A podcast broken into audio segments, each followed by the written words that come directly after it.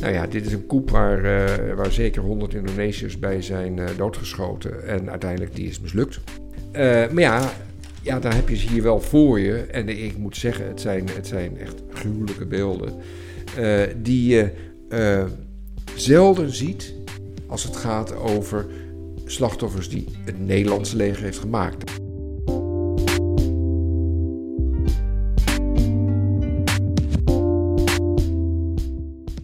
Onderdrukking en vrijheid. Over die thema's organiseren de universitaire bibliotheken Leiden dit jaar een mooi programma.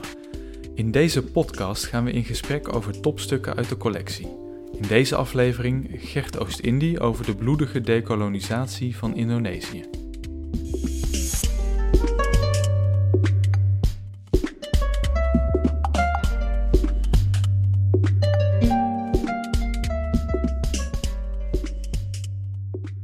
Dag Gert, hartelijk welkom. Dankjewel. We gaan het uh, vandaag hebben over de periode rond de Indonesische onafhankelijkheid, dus eind jaren 40. En misschien kun je allereerst eens een korte schets geven van deze periode. Waar, waar bevinden we ons precies in de geschiedenis? Ja, dat is een, dat is een goede om dat zo breed te vragen. Uh, kijk, Nederland is vanaf 1600 uh, steeds nadrukkelijker aanwezig in wat nu Indonesië is.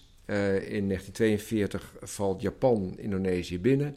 1945 capituleert Japan, maar meteen daarop uh, uh, roept Sukarno en Hatta, die roepen de onafhankelijkheid uit van Indonesië. Nou, Nederland zegt, nou nee, wacht, hè, Nederland wil gewoon terugkomen en is wel langs van zover dat men zegt, we willen praten over een toekomstige onafhankelijkheid, maar voorlopig wil Nederland goed de touwtjes in de handen houden en dat leidt dan uiteindelijk tot een oorlog die begint in 1945 en die eindigt met de soevereiniteitsoverdracht eind 1949. Ja, nou en je bent natuurlijk hoogleraar hè, hier in Leiden, koloniale en postkoloniale geschiedenis. En enkele jaren geleden uh, schreef je een veelbesproken boek over deze periode, uh, namelijk Soldaat in Indonesië. En daarin beschrijf je deze gewelddadige oorlog door de ogen van Nederlandse soldaten. En waarom koos je voor dat boek uitgerekend dit perspectief? Ja, uh, dus eigenlijk was er een hele duidelijke aanleiding voor. Uh, uh, wij hebben met, toen met drie instituten, was het het NIOT in Amsterdam en het NIMH, het Instituut voor Militaire Historie. En dan het Koninklijke Instituut voor Taal en Volkenkunde, waar ik de directeur van ben. We hadden in 2012 hebben wij een oproep ge gepubliceerd, in, in Volkshand was dat. We zeiden, er zijn bibliotheken volgeschreven over wat de Duitsers ons hebben aangedaan in de Tweede Wereldoorlog. Er is te weinig bekend en, en, uh, en ook te weinig rekenschap gegeven door Nederland van die oorlog daar. Dat wordt toch wel eens hoog tijd. Nou, uh, als directeur van het KITV was ik de woordvoerder van die drie groepen. En wat gebeurt er? Ik kreeg ontzettend veel reacties van veteranen, Nederlandse veteranen. En uh, een deel daarvan die zei, nou meneer, uh, wat wilt u eigenlijk uitzoeken? Er is niks uit te zoeken, er is nooit wat gebeurd, dus er zijn helemaal geen oorlogsmisdaden gebeurd. Een andere groep die zei, ja, u kunt dat wel willen uitzoeken, maar luister, hè, er zijn geen schone oorlogen. Natuurlijk zijn er dingen fout gelopen, maar daar gaan we niet over praten, hebben we toen gedaan, doen we nog steeds niet. En dan zo'n derde groep die zei weer, ja, uh, het was geen schone oorlog. Natuurlijk hebben we vreselijke dingen gedaan. En we hebben afgesproken niet over te praten. Maar eigenlijk willen we er nu wel over praten. En toen dacht ik, afhankelijk zei de overheid, nou wij gaan geen geld in dat onderzoek uh, stoppen. Ik vond zelf, ja, ik was dus een jaar lang voortdurend in het nieuws om te vertellen hoe belangrijk het was. Toen dacht ik, ja, als directeur van mijn eigen instituut ben ik nog geen knip voor mijn uh, neus waard als ik niet dan zelf met mijn eigen mensen daar wat aan ga doen. En toen kwam het eigenlijk zo uit dat, dat ik gewoon me bedacht van... hé, hey, heel veel van die veteranen die zulke tegenstrijdige berichten aan mij sturen... die hebben zelf dagboeken geschreven, ze hebben, ze hebben memoires ge, gepubliceerd enzovoort. Dan laten we nou eens kijken wat er in onze Leidse collecties daarover te vinden is. Nou ja, dat bleek meer en meer en meer te zijn. En, uh, en toen heb ik dus dat verhaal geschreven, gebaseerd op die uh, Leidse uh, collecties. En wat dan eigenlijk daaruit voortkwam, is aan de ene kant een beeld van die oorlog, maar ook wel meteen een heel veelvormig beeld. Je ziet meteen dat lang niet al die veteranen in de tijd zelf of later ook hetzelfde dachten erover. Ja, precies. En, en dat onderzoek is dus helemaal gebaseerd op, op ego-documenten, ja. noem je het. Hè? Dus, ja. uh, dus bijvoorbeeld brieven en dagboeken van die soldaten zelf. Um, grappig genoeg gaan we het daar vandaag niet over hebben. Nee. Uh, want je hebt compleet iets anders voor ons meegenomen. Zou je eens willen vertellen wat er hier voor onze neus ligt? Mijn boek is gebaseerd op gepubliceerde ego-documenten. Uh, daar kan je mee verder gaan. Maar ik wilde juist laten zien, je kan ook met ander materiaal wat doen. Hè? En dan had ik ook nog ego-documenten kunnen nemen. Want er zijn ook in deze Leidse collecties heel veel uh, dagboeken, uh, brieven, correspondentie van, van veteranen, van militaire veteranen. Maar goed, ja, ik wilde iets anders doen. En ik wilde het nu eens zoeken in de sfeer van beeldmateriaal. Ja. En dat is voor een podcast misschien een beetje jammer, maar aan de andere kant, ik begrijp dat er afbeeldingen bij gepubliceerd worden. Ja, dus misschien zou je eens kunnen omschrijven wat, ja, wat er hier voor ons ligt, hoe dat, er, uh, hoe dat document eruit ziet. Ja, nou waar, ik mee ben begonnen is uh, posters uh, te zoeken. met het idee, die posters, dat is echt propaganda. Hè? En dat is propaganda uh, om te laten zien, dit is een goede oorlog. Wat ik dan juist heb geprobeerd te doen, ik begin met Nederlandse posters, maar ik laat vervolgens ook Indonesische posters zien.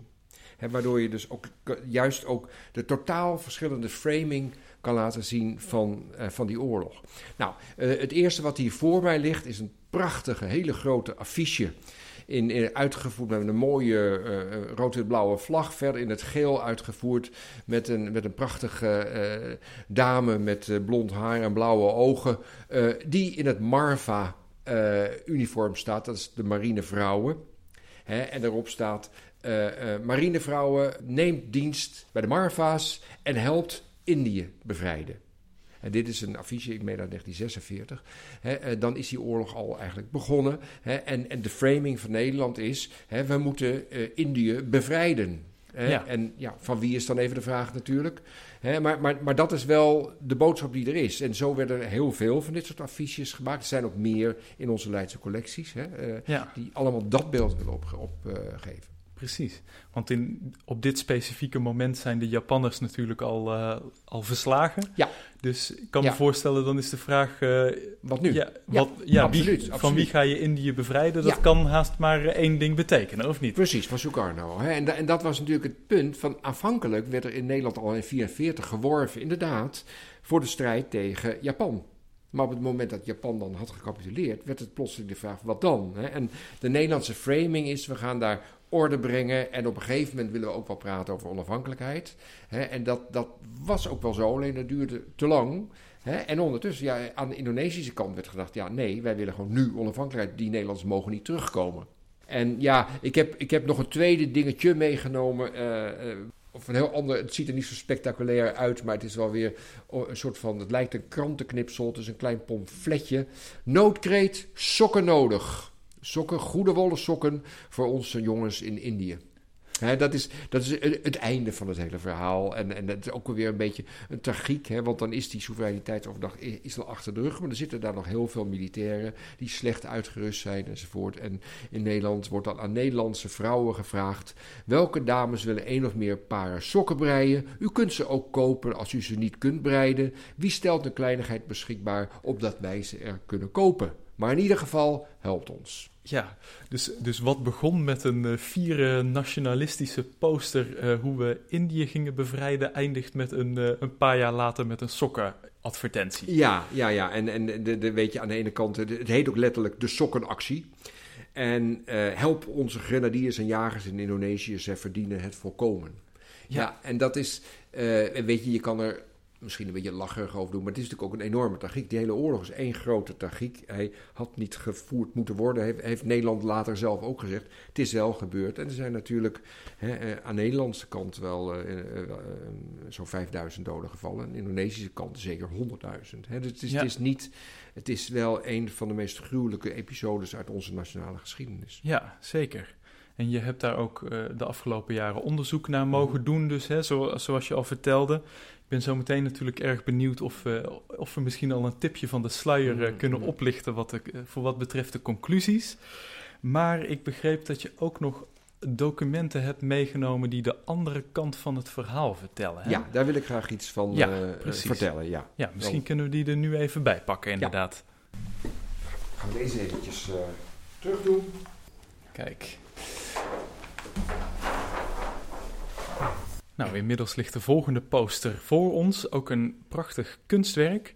Wat, wat zien we hier? Ja, dit is een verrassende. Hij is helemaal uitgevoerd in rood-wit-blauw. Het is namelijk ook een Nederlandse poster. Maar dit is een poster die een één groot uh, pleidooi is voor de onafhankelijkheid van Indonesië en al voor de Tweede Wereldoorlog. Het is een oudere poster voor, die, voor deze oorlog. Het is dan ook een poster van de Communistische Partij Holland. Dat was de enige partij in, in Nederland die, die al zelfs voor de Tweede Wereldoorlog gewoon zei: Indonesië moet onafhankelijk worden. Ja, wat zie je erop? Er staat, de, de, de, de tekst is: 50 miljoen Indonesiërs wordt den mond gesnoerd. Je ziet een, een Indonesisch oog, ogend iemand met een, met een, uh, met een, uh, die een, een rood-wit-blauwe knevel letterlijk heeft. En die wordt aangetrokken door twee handen. En, die handen, en een van die handen heeft een zegelring met het Nederlandse, Nederlandse wapen erin. Hè? En dan staat eronder: alleen de communistische partij vecht voor hen.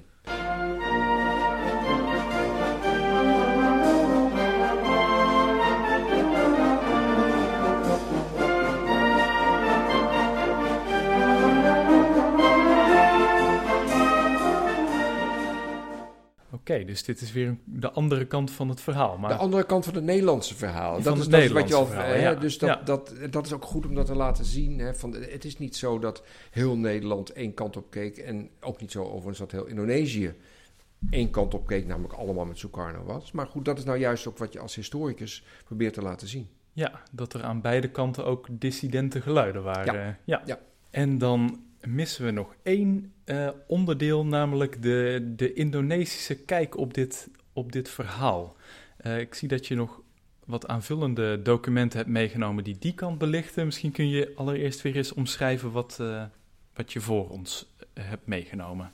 Ja, ik heb weer drie eh, propagandaposters, maar nu gemaakt door eh, de Indonesische eh, regering, in, dus de revolutionaire regering. De eerste die voor me is, is een soort van, is eigenlijk een tekening, die overigens heel, heel bloedig is, letterlijk. Er staat op in het, in het Maleis, kom in opstand. En je ziet een, een Indonesisch ogend iemand die met een, met een zwaard twee mensen onthoofdt. En dat zijn allebei Europeanen. Dus het is, het is een heftige poster. eh, waarin het geweld ook getoond wordt op een manier zoals Nederland dat never nooit heeft gedaan in, in, in affiches of wat ook. Hè. Dus dit is echt een heel andere manier van het laten zien.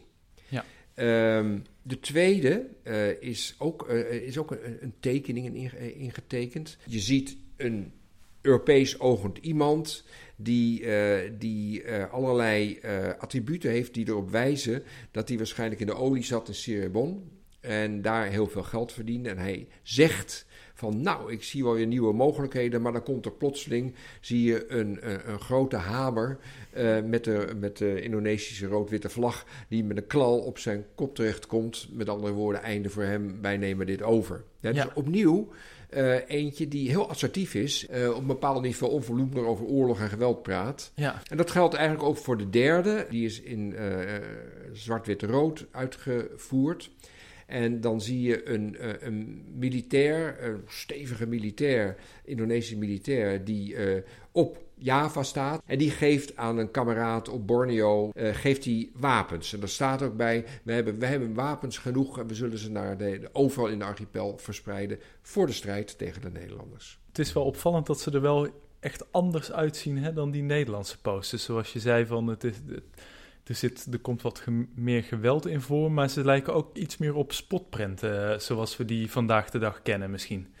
Ja, dat is absoluut waar. Eh, de, eh, de, de Nederlandse eh, wijze waarop ge, ge- geworven werd voor die oorlog en hoe die oorlog werd voorgesteld is toch gewoon, ja, er zitten allemaal, ook allemaal beeldtaal, veel molens en, en, en dus een, molentje en dan een, iets wat heel erg Javaans is enzovoort, maar allemaal, het is veel meer de, de taal van we begrijpen elkaar goed en we willen, hebben allemaal het beste met elkaar voor.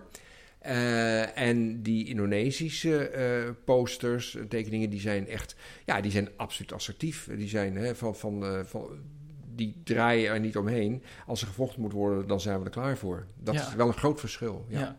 En wat kan een historicus vandaag de dag nog, nog leren over deze materialen? Dus de, de Nederlandse materialen die we net hebben gezien, maar ook de Indonesische materialen zoals die hier nu voor ons liggen. Nou, om te beginnen dat ze zo verschillend zijn. En als ik dan even, eh, even een, een heleboel eeuwen terug ga. Ik, ben, ik heb mijn, zeg maar, 30 jaar geleden uh, ben ik gepromoveerd op een proefstuk over slavernij. Totaal iets anders hè, in, in de Cariben. Uh, als je die 18e en 19e eeuwse bronnen gebruikt, het is een beetje cliché misschien, maar het zijn natuurlijk altijd de bronnen van de macht. Hè? Dus het is ontzettend moeilijk om daar iets uit te, uit te peuren, zeg maar, wat toch iets zegt over hoe die slaafgemaakten dat allemaal hebben ervaren. Uh, en dat is, uh, als je dan in de 20e eeuw komt, dan gelukkig is dat anders. Hè? Als je er maar zoekt. Hè? Dus ja, uh, je kan, en dat geldt ook voor dat boek van mij, Soldaten in Indonesië. Hè, daar heb ik in ieder geval proberen te laten zien dat er zelfs aan de Nederlandse kant veel verschillend gedacht werd en gehandeld werd. En ook dat het in de loop der tijd van verandert. Hè. Maar wat daar over Indonesiërs in staat, is alleen maar uit de tweede hand. Nederlanders vinden iets over Indonesiërs. Hè. Volgende stap is natuurlijk dat je Indonesische bronnen gaat zoeken. Nou ja, dat, is, hè, dat kan je dus ook doen in traditionele archieven. Maar wat ik vandaag in deze podcast vooral wilde laten zien, hè, dat is ook in beeldmateriaal te zien. En dat is in posters en dat is ook in fotografie. Dat is het laatste waar ik iets over wil zeggen. Ja, precies. Ja, laten we dat dan uh, direct eventjes doen. Over fotografie. Uh, ik ben benieuwd wat je daar nog over hebt ja, nou, meegenomen. ga je nog een keertje verrassen. Dan is dit zo de volgende. Yes. Nou, inmiddels liggen er prachtige leren ingebonden fotoalbums uh, voor onze neus. Ik ben heel benieuwd wat die hier, waarom je die hebt meegebracht. Ja, nou ja, dat is dan ook weer zoiets. Hè. Fotografie eh, dateert natuurlijk van de late 19e eeuw. Maar ook eh, in zo'n midden 20e eeuw was het niet zo dat iedereen een, een fototoestel had. Het was ook nog heel duur om te doen, uh, te fotograferen. Je kon het ook zelf niet ontwikkelen. Het was natuurlijk niet digitaal, hè, dus het is een hele andere tijd. Dus wat je ziet is dat heel veel militairen, als, als ze terugkwamen in Nederland, dus Nederlandse militairen, die hadden op een gegeven moment een fotoalbum. Maar als je goed gaat kijken, fotoalbums zie je heel vaak dezelfde foto's. Dus kennelijk hè, werd er ook gefotografeerd en dan werden er gewoon tien afdrukjes gemaakt en dan kreeg iedereen er eentje. Uh, wat staat er meestal in die fotoalbums? Nou, heel veel uh, dagelijks leven. Uh, de jongens aan het voetballen, de jongens aan een biertje. een beetje oude jongens krentenboot. Vaak veel foto's van op de boottocht naar Indië en zo. Dus als je uh, die album zoekt om een beeld te krijgen van de strijd, de oorlog, hè, dan, dan vind je meestal niet zoveel. En uh, er waren wel officiële fotografen uh, van het Nederlandse leger, maar die waren, werden eigenlijk ook wel geïnstrueerd van laat me niet te veel geweld zien. Uh, Want dat is ook maar, uh, dat is dan weer voor thuisfront verontrustend enzovoort. Hè, dus eh, er is, uh, veel staat er niet op. Wat er soms wel op staat, dat ga ik nou niet laten zien, ik kan niet alles laten zien, maar heel vaak wel militairen met, met Indonesische vrouwen. Ja. Ook zo'n onderwerp, ik schrijf in mijn boek wel over. Er waren enorm veel relaties, in ieder geval veel seks, maar daar werd dan ook niks over, over gezegd. Alleen op die foto's zie je ze wel heel vaak met vrouwen. Dat, eh, nou ja, dat is voor de goede verstaander. Uh, wat ik wil laten zien is toch, omdat dat nu even het thema is, toch dingen die echt te maken hebben met de oorlog. Het eerste, dit prachtige inge, ingebonden leren boek, uh, is een, dat is een onderdeel van, van, we weten niet precies van wie maar het is uh, zeker een Nederlandse militair geweest die vier prachtig ingebonden boeken heeft. Uh, waar het vol staat met foto's van, uh, ja, van hoe Java eruit zag. en, en, nou ja, zeg maar de toeristische foto's die je vandaag ook maakt. Hè. Ik sla hem open. Het eerste wat ik zie is iemand, een, een, een Javaanse man met een zeer groot, zeer groot hoofddeksel op die aan het vissen is in een stille rivier en zo.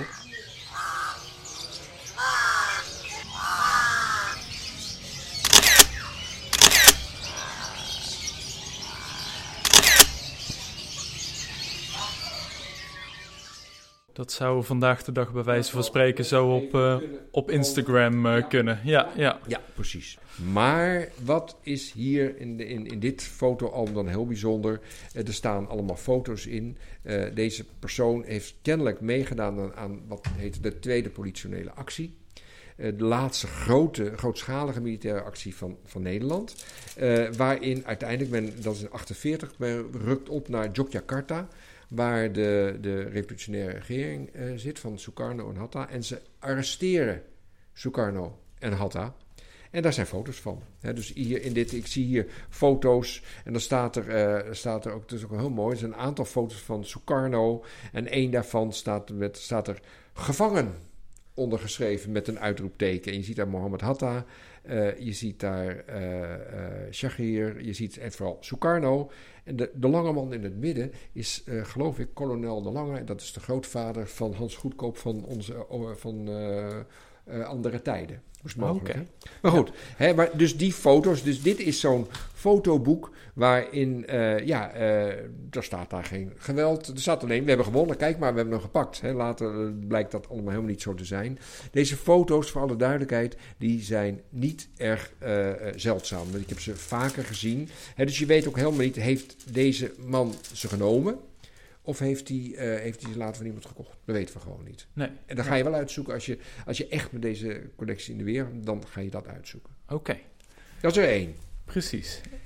Dan heb je een tweede boek, ook prachtig ingebonden. En de, met op de voorkant, in, in, leer, op de voorkant staat uh, uh, Mijn diensttijd in Indië. En dan een, een, een soort van een beeld van een militair. Je ziet dat hij een, een, een stengun in zijn hand heeft, maar je ziet ook een palmboom en je ziet een berg. Het moet een Javaanse indruk uh, maken, denk ik allemaal, wat vogels.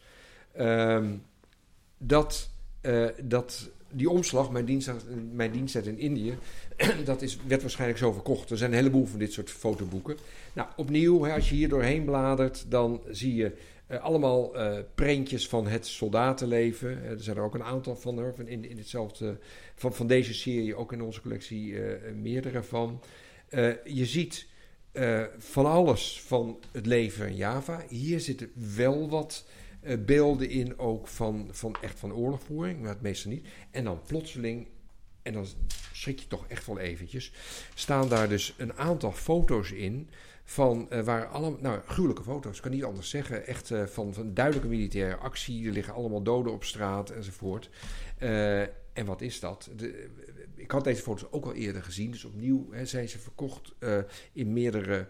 in, in, meerdere, in hoge oplage, we weten het niet precies. Maar wat je hier ziet, is een koep die onder leiding van Westerling, de, de, de toch wel beruchte kapitein eh, van, eh, van eerdere geweldsexcessen, die lang na de soevereiniteitsoverdracht, nog in 1950, een coup heeft gepleegd tegen de, tegen de Indonesische regering, die inmiddels dus door Nederland was erkend.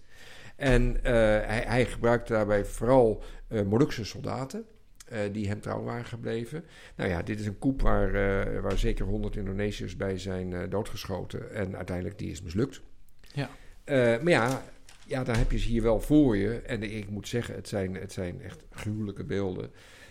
die je zelden ziet als het gaat over slachtoffers die het Nederlandse leger heeft gemaakt. En nou zijn dit dus eigenlijk niet, hè, voor de duidelijkheid, dit is niet het Nederlandse leger die dit heeft gedaan, maar wel een, een, een, een, een groep afkomstig uit het Nederlandse leger. Ja, een soort guerrilla-actie was het, geloof ik, hè? Ja, ja precies. Ja. Nou, fijn. Maar dat is dus wel een hele, nou, wel heel schokkende beelden. Ja. Bedankt. Hartstikke interessant. Het geeft een uh, mooi inkijkje inderdaad in uh, de levens van mensen die dat hebben meegemaakt destijds. Nou, in 2017 uh, kreeg je samen met een stel andere onderzoekers een budget van 4,1 miljoen euro om onderzoek te doen naar het geweld hè, dat tijdens deze onafhankelijkheidsstrijd is, uh, heeft plaatsgevonden. En uh, eigenlijk was dat een unicum. Want uh, als ik het goed begreep, was er nog nooit structureel onderzoek gedaan naar deze periode. Laat ik eerst even zeggen van, niet ik, maar drie instituten ja. hebben, hebben fondsen gekregen wij krijgen niet een, we hebben niet een opdracht van de overheid om dit uit te zoeken, maar de overheid financiert het wel. En geeft daarmee aan het belangrijk te vinden om, uh, om, om, om, materiaal te hebben om rekenschap af te leggen van wat hebben we daar eigenlijk gedaan. Hè? Dat is niet helemaal nieuw. Uh, Lou de Jong, hè, in zijn grote werk het Koninkrijk der Nederlanden, de Tweede Wereldoorlog, heeft ook een aantal delen geschreven over de oorlog in Indonesië. Maar, en dat heeft wel te maken met die oproep die de drie instituten in 2012 deden. Uh, uh, er is ontzettend veel nog niet uitgezocht. Het is ook tijd dat, dat Nederland zich daar rekenschap over, uh, rekenschap over aflegt. Wat Nederland heeft gezegd in, in 2005, de Nederlandse regering, dit was een oorlog aan de verkeerde kant van de geschiedenis. En met andere woorden, we hadden die oorlog niet moeten voeren. Nee. voeren. Maar een andere uitspraak van de Nederlandse overheid, die ook nog steeds stond, en die dateert uit 1969, is van ja, er zijn wel excessen geweest. Er zijn wel dingen, ook militair gezien, erg uit de hand gelopen. Maar door de bank genomen heeft de, de Nederlandse krijgsmacht zich heel goed gedragen. Nou, die vraag en die vaststelling is door historici steeds meer, ook in Nederland, betwist. van, want als aan de ene kant er vijf, nog geen 5000 doden vallen, waarvan maar de helft in oorlogshandelingen, aan de andere kant 100.000, dan is dat toch misschien wel wat meer aan de hand geweest. Nou, dat, dat zijn we nu aan het uitzoeken. We komen september volgend jaar met onze uitkomsten. Oké. Ja. En um, ja, nee, ik, daar ga ik niet nu op vooruitlopen. Oké. Dus... Ik heb natuurlijk wel in mijn eigen boek het een en ander gezegd. En daarin zeg ik ook hè, van, van uh, alleen al op basis van mijn onderzoek in, in, in een, zo'n beperkte bron als die ego-documenten, uh, is, het, is het de, de conclusie onvermijdelijk dat, uh, dat er meer dan zomaar een paar excessen zijn geweest, maar dat dat geweld veel structureler werd uitgevoerd. Ja, precies. Maar hoe structureel dat was, dat is iets wat we, wat we misschien even geduldig moeten afwachten tot ja, later volgend jaar. Ja, ja, en waarbij ook, het gaat natuurlijk ook niet alleen over hoe, hoeveel, en dat is overigens ook heel moeilijk vast te stellen, maar ook van waarom. Wat gebeurt er nou eigenlijk precies? In welke context is dat geweld? En natuurlijk hoort daar ook het geweld bij aan de andere kant, aan andere kanten mag je wel zeggen. Eh, maar het is vooral om te begrijpen dat zo'n onderzoek is ook niet bedoeld om, eh, om mensen in de strafbank eh, te zetten, wat ook dat kan indirect wel zo zijn. maar het is vooral een kwestie van begrijpen van wat is eigenlijk gebeurd en dat is hoog tijd. Ja, precies. Want ik begreep, een van de openstaande vragen was eigenlijk nog van hoe het, hoe het met de geweldsstructuur zat. Hè? Dus, dus of, er, uh, of er opdrachten geweest zijn van, van hogerhand misschien om, om dit soort uh, ja. Ja, de, geweld de, de, de framing was een beetje van, er liep af en toe was dat uit de hand, maar in principe was dat allemaal niet de bedoeling. En, en het beeld wat, wat in, de, in de meer recente literatuur uh, toch wel naar boven komt, is van nou het gebeurde toch wel op zo'n schaal hè, dat het steeds moeilijker wordt om te denken van nou, dat waren vergissingen, dat gebeurde eens een keertje, het liep eens wat uit de hand. Hè, maar hoe dat dan precies gegaan is, uh, ja, dat, dat, dat is wat wij onderzoeken. Ja, precies. En dan vroeg ik me nog af um, hoe, uh, ja, hoe je daar persoonlijk over denkt. Nee, wacht, ik stel hem even opnieuw. Dan vraag ik me nog wel af van, komt dat onderzoek nog op tijd. Hè? Ik las ergens in de Groene Amsterdammer over, uh, over dit onderzoek en over dit onderwerp. Uh, dat een, als je een verleden niet direct onder ogen ziet, dat het gaat etteren. Uh, je ziet natuurlijk dat de, discussie misschien over dit onderwerp best wel al gespannen is. Hè? Dat, dat nog niet iedereen eraan wil. wat, wat is je persoonlijke visie daarop? ja, beter later nooit. Korter kan ik het niet zeggen.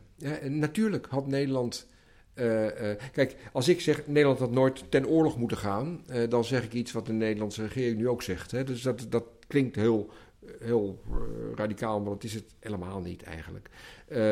dat die oorlog gevoerd is op een veel gewelddadiger wijze dan we op, dat, dan we, op die Marfa-poster waar we mee begonnen kunnen zien. Hè? Ook dat is inmiddels wel duidelijk dat had allemaal veel eerder uitgezocht moeten worden. En dat is nou juist ook wel weer. Het is ook een onderdeel van het onderzoek hoor. Van wat is er nou gebeurd? Hè? wat je ziet is dat Nederland zo snel mogelijk de bladzijde heeft willen omslaan. Zo van: oké, dit is gebeurd, klaar. Uh, we zijn er nooit geweest. Het is, over. Dat is ook een, een, deel van het verhaal, ook wat in mijn boek wat te lezen is.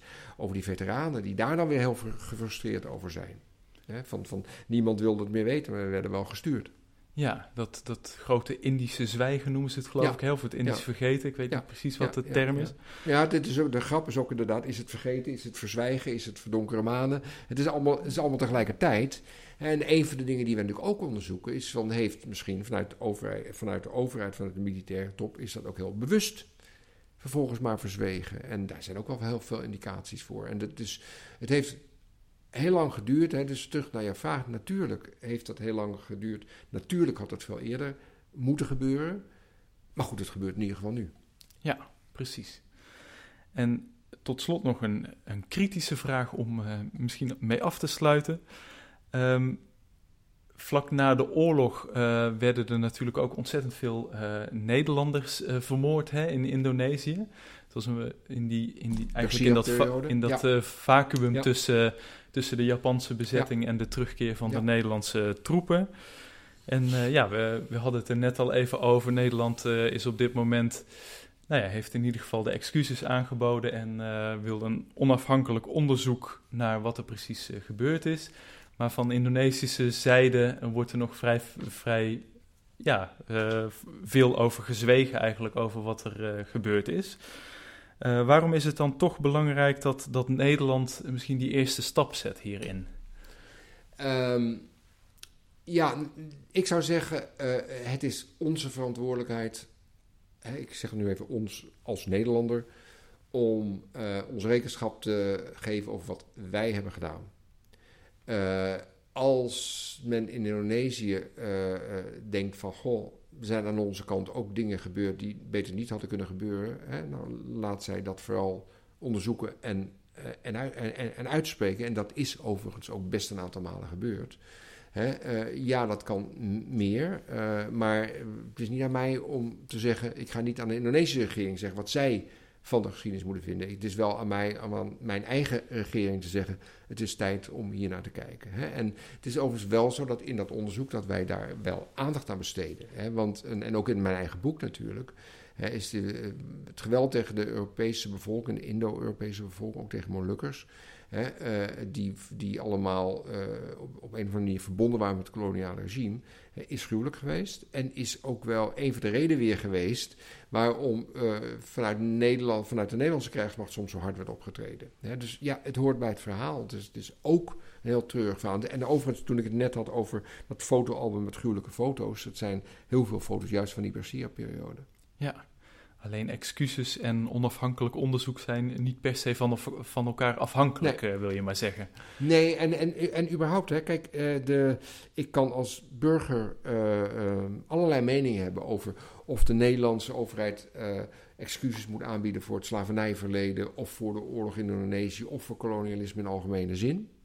Hè, maar mijn primaire taak als historicus is toch inzichtelijk maken wat is er gebeurd. En, en, en, en, en ook hè, dat daar heel verschillend naar gekeken kan worden. En ook het besef. Hè, en vandaar dat ik juist deze dingen in deze podcast ook een beetje met elkaar wilde laten uh, botsen, zeg maar. Hè, van, dus zo verschillend kan er naar gekeken worden. Hè. Nog steeds kan je wel zoeken naar van oké, hier zijn we het wel over eens. En dan gaat het wel de interpretatie achteraf. En daar zie je ook wel dat uh, dat uh, Indonesische en, en, Nederlandse historici ook veel dichter bij elkaar kunnen komen. Ja, het lijkt me best lastig dan om, om te werken met zoveel materiaal dat zo verschillend te interpreteren is. Eh, ja, maar dat is natuurlijk uh, ook wel weer de droom van een historicus. Als er maar veel materiaal is uh, en, en als het heel tegenstrijdig is, dan wordt ook de. Kijk, aan de ene kant wordt dan de, de, de uitdaging om daar een mooi verhaal van te maken groter. Aan de andere kant geeft dat ook mogelijkheden om te laten zien dat de geschiedenis veelvormig is en dat er heel verschillend gedacht kan worden. En, en, en, en in die tijd toen en dat het nog steeds doorwerkt. En ook dat is onderdeel van geschiedenisbedrijven, geschiedenis schrijven. Ja, de passie van een historicus. Ja, absoluut. Nou, hartstikke mooi. Hartelijk bedankt voor je komst en uh, bedankt voor de ontzettend goede uitleg. Graag gedaan.